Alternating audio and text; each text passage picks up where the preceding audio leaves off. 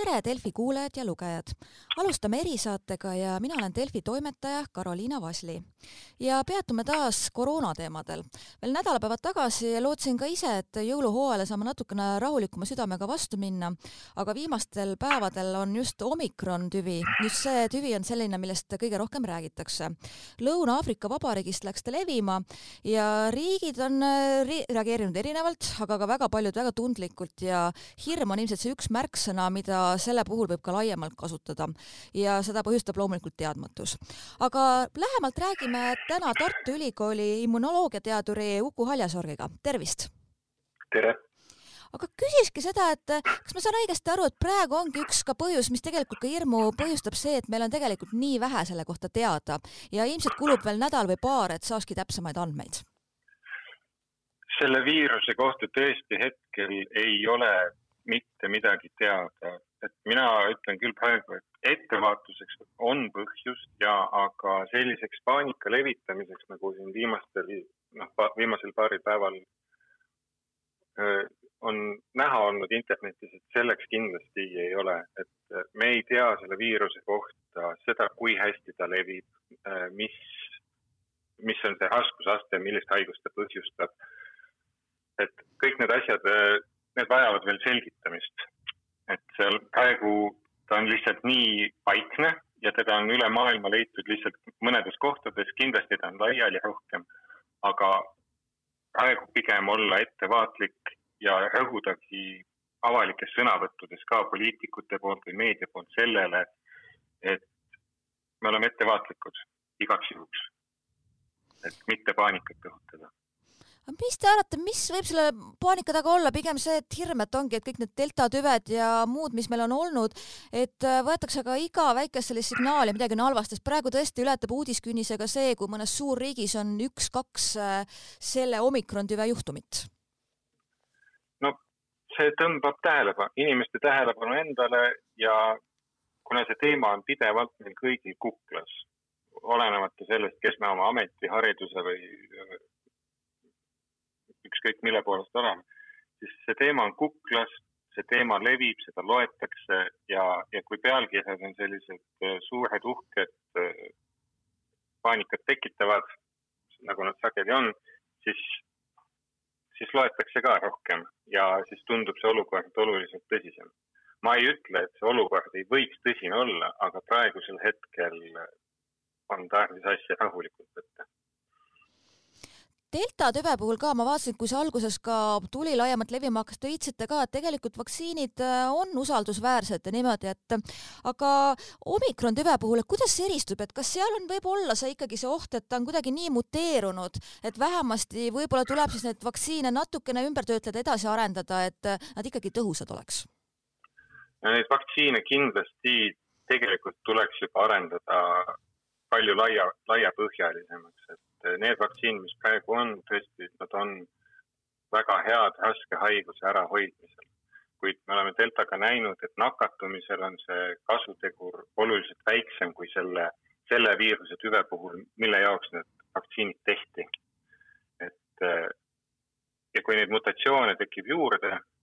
siis ühel hetkel see kasutegur langeb veelgi ja siis ei, võib juhtuda, et nende praeguste vaktsiinide kasutamine ei ole õigustatud aga küsiks, et kas nende vaktsiinide ikkagi, mis on praegu laialt kasutatud, see vundament on nii tugev, et tegelikult sealt edasi minna ei ole väga keeruline, päris kasutuks nad ei muutu, aga et lihtsalt on vaja spetsi spetsiifiliseks minna vastavalt ka mutatsioonidele? spetsiifiliseks minna või siis teine variant, proovida laiemalt just äh, äh, nagu mingite koroonaviiruste selliste püsivamate valkude äh, vastu seda vaktsiini teha. keeruliseks teeb muidugi asja see, et äh, vaktsiini arendus on kallis ja praegusel hetkel, kus meil on juba järgmine tüvi, et äh, nende kliiniliste katsete läbiviimine on üpris keerukas ja niisugune ajakulukas. et see võib saada niisuguseks komistuskiviks meil on peaaegu aasta möödas sellest, kui tõesti hakkas tasapisi äh, laiemasse tarbesse hakkasid vaktsiinid minema, kuidas te üldse hindate, kuidas see aasta jooksul on see progress olnud nende vaktsiinide arendamisel, et pigem nagu isegi ootuspärane, kiire või natukene on hakanud tulema ka neid tõrkeid, et kuidas kõrvalt tundub? mis te tõrgete all silmas peate no,? nagu ka ise viitasite, et võib-olla ühel hetkel ei olegi nii lihtne edasi minna, esiteks on ka see ajamahukas, võib-olla see kulukas, et äh, just ka seda uute tüvede valguses. no siin, siin ma leian seda, et äh, riikide poolt kindlasti peaks olema nendele firmadele surve see, et äh, nad arendaksid parema ja spetsiifilisema vaktsiini välja või sellise, mis töötab koroonaviiruste üleselt. et suund peaks olema sellele ja kindlasti peab suund olema ka sellele, et äh, kasutada meil olemasolevaid ravimeid. Et praegu on heaks, heaks kiidetud juba päris mitu asja, mitu monoklonaalset antikeha, mida saab kasutada riskirühmadel varases ravis ja tegelikult annavad ka vanad ravimid, mida on uuritud nüüd äh, Covidi kontekstis, annavad täitsa lubavaid tulemusi. et äh, siin üks pea kolmkümmend aastat vana antidepressant, fluvoksamiin, et tema puhul on need küsitavused suuremad, aga näiteks astmaravim pudenasiid, mis on äh, juba pikalt üpriski odav ravim olnud, et selle efekt on nähtav ja temal on need kõrvalmõjud väga-väga väikesed et seni, kuni meil, noh, Eestis äh, ei ole veel kindel, kas meil tulevad need uued ravimid üldse sel aastal. et meil on seda aastat kuu aega jäänud ja kes teab, millal need järgmine aastagi kohale jõuavad. et need on need kaks suunda, kuhu minu arust peaks äh, väga palju aega ja äh, raha investeerima. ja kolmas asi, kuhu tuleb aega ja inimesi, inimjõudu ja töötunde investeerida on kindlasti kommunikatsioon, et äh, nii eesti kui venekeelne Eesti Vabariigis, kus meil on kaks äh, suurt rahvusgruppi ja nende mõlemaga tuleb otse suhelda, tuleb leida inimesi ministeeriumites, kes võtavad selle teema enda hallata kuidas ka tundub, et on see, on see midagi kommunikatsioonis meil ka paranenud või pigem ikka natukene lonkab või isegi mõlemat jalga, et tegelikult ei jõua sellele sihtgrupini, kes veel, kes veel pelgavad või on läinud kaasa ka teatud hirmutamiskampaaniatega, mis äh, vaktsiinidest hirmujuttu räägivad? Nüüd viimasel ajal ehk on see kommunikatsioon paremaks läinud, aga ta on ikkagi väga sihuke käsk, käsklausetega või, või äh, keelan poon ja lasen natukene niisugune, minul on selline mulje jäänud. ja kui ma suhtlen oma tuttavate, oma sõprade või siis ka võõraste inimestega, kellel on äh, vaktsiinide koha pealt kahtlused, siis see küsimus ei ole selles, kas inimesed loevad uudiseid või kas neil on haridus olemas või mis iganes äh, seda inf-, see info levib väga-väga tükati. seda on keeruline kätte saada, ta segane sellepärast, et uut infot tuleb pidevalt peale. meie, minul on erialaselt lihtne selle uue info pealetulekuga leppida, aga laiemal üldsusel see tekitab väga-väga palju segadust ja see on nüüd äh, üks koht, kus tuleb äh, inimestega inimese keeles rääkida aga mis sa arvad, et kas see vaktsiinipassi ja selliste rangete keeldude rakendamine on, on pigem nagu kasulik või see hirmutab osasid inimesi veel rohkem või tekitab sellist vimma pigem isegi jah, valitsuse vastu? no vimma on ilmselgelt näha ka ja äh, minu arust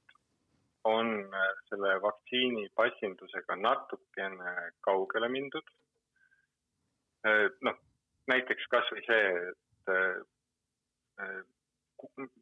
riigil ei ole teada, kui palju kuskil nakatumisi on tekkinud või kui see info on olemas, siis info ei ole avalik. näiteks mul on raske uskuda, et kinos või teatris, kus on suured saalid, hea ventilatsioon, palju ruumi, et seal, et need oleksid nüüd mingisugused nakkuskolded ja miks ei võiks seal inimesed testidega rahulikult kohal käia. ööloka, ööklubid, kõrtsid, need on võib-olla natukene tundlikum teema ja ka noh, jõusaalid, kus ongi intensiivne selline äh,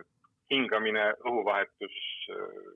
ja inimesed on väga lähestikku, et seal on see küsitavam, aga kultuurielu nautimisel ma arvan, et peaks mingisuguseid mööndusi hakkama tegema. kuidas, kuidas paistab, et kas valitsus kuulab piisavalt ka sellist teadurite nõu ja hoiab ennast sellega kursis või, või mõtlevad pigem omal sellisele poliitikanurga alt?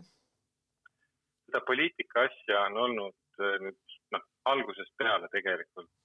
väga-väga palju aetakse oma agendat eelmise valitsuse, Jüri Ratase valitsuse kui ka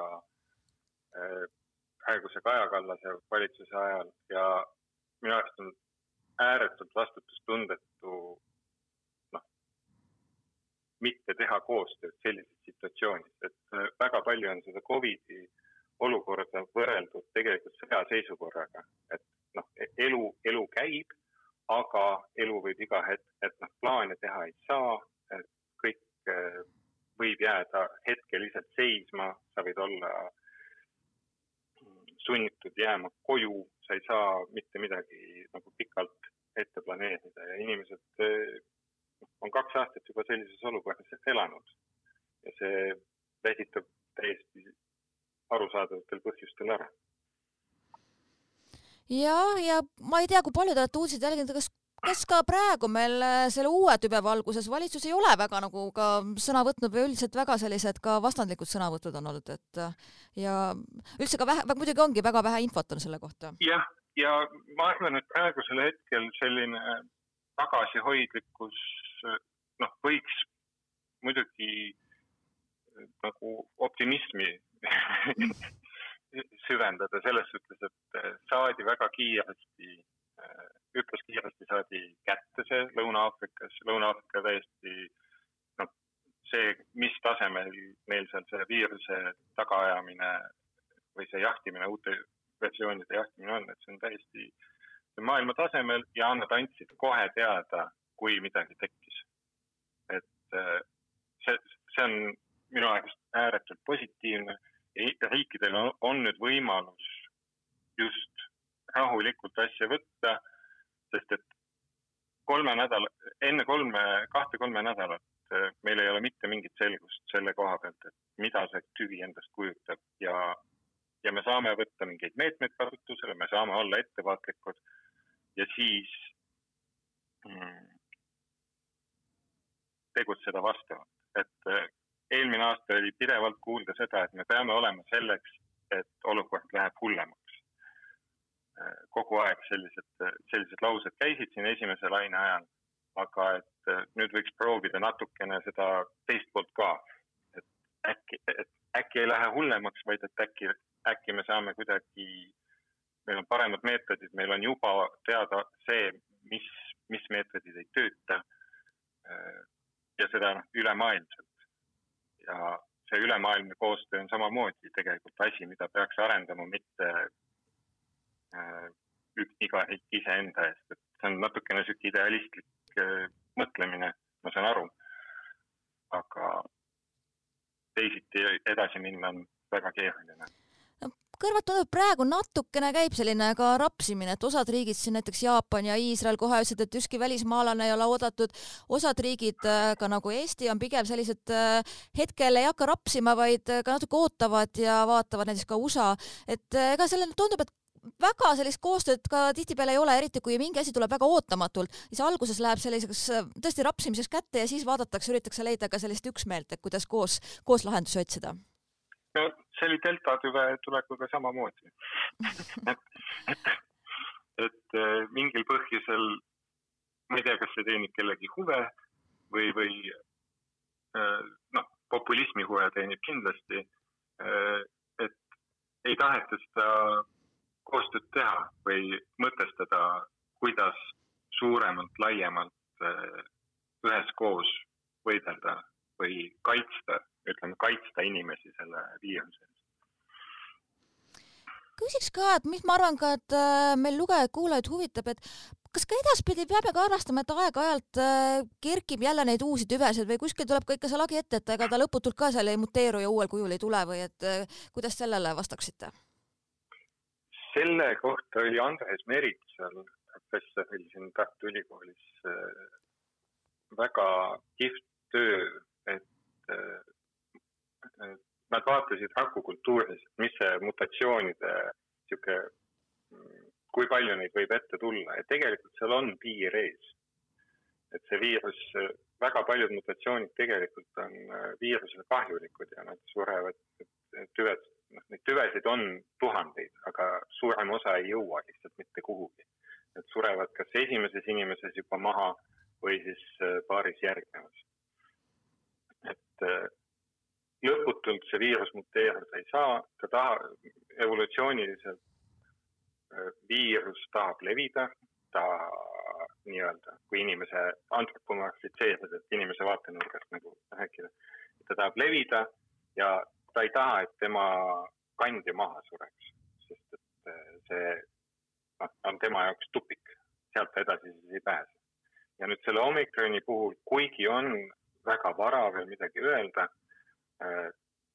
sealsamas see sama arst, kes Lõuna-Aafrikas, äh, kuidas ma ütlen, häält tõstis mm -hmm. uue variandi koha pealt, et ta on öelnud, et väga palju on noori inimesi, kes selle on külge saanud ja üldiselt sümptomid on üsna pehmed või kerged. et ja jällegi, see on minu arust positiivne uudis, aga ootame nüüd mõned nädalad, vaatame, kuidas, kuidas see viirus mõjub teistele ühiskonnaliikmetele, et siin just riskigruppidele. ja need asjad selguvad alles mõne aja pärast meil oli siin ka natukene juttu jah siin vaktsineerimisest. Ja kusjuures mul endal üks äh, tuttav, kes on vaktsineerimata, kuna ta väikse lapse ema, kardab, olen ka üritanud talle selgitada, et ei ole ohtu, aga tema küsis mult nii, et aga tead, kui siin tulevad need uued tüved peale, et äkki peaks veel ootama, et äkki tuleb ühel hetkel varsti juba peale selline parem vaktsiin, mis aitab, et mis te neile ütleksite, kes praegu jätavad selle pärast veel vaktsineerimata, mõtlevad, et ma ootan veel, vaatan, et mis siin äh, nii-öelda lauale pannakse, et vaktsiinid arendati nii kiiresti välja, et kas neid saab usaldada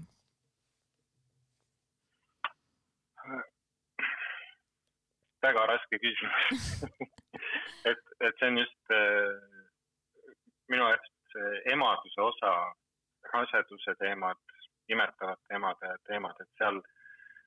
on see lähenemine hästi keeruline, et äh,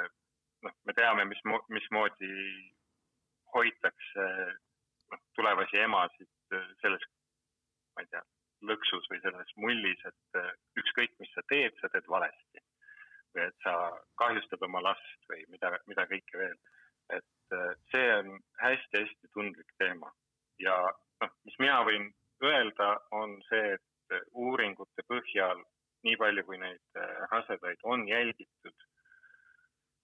kes on saanud süsti,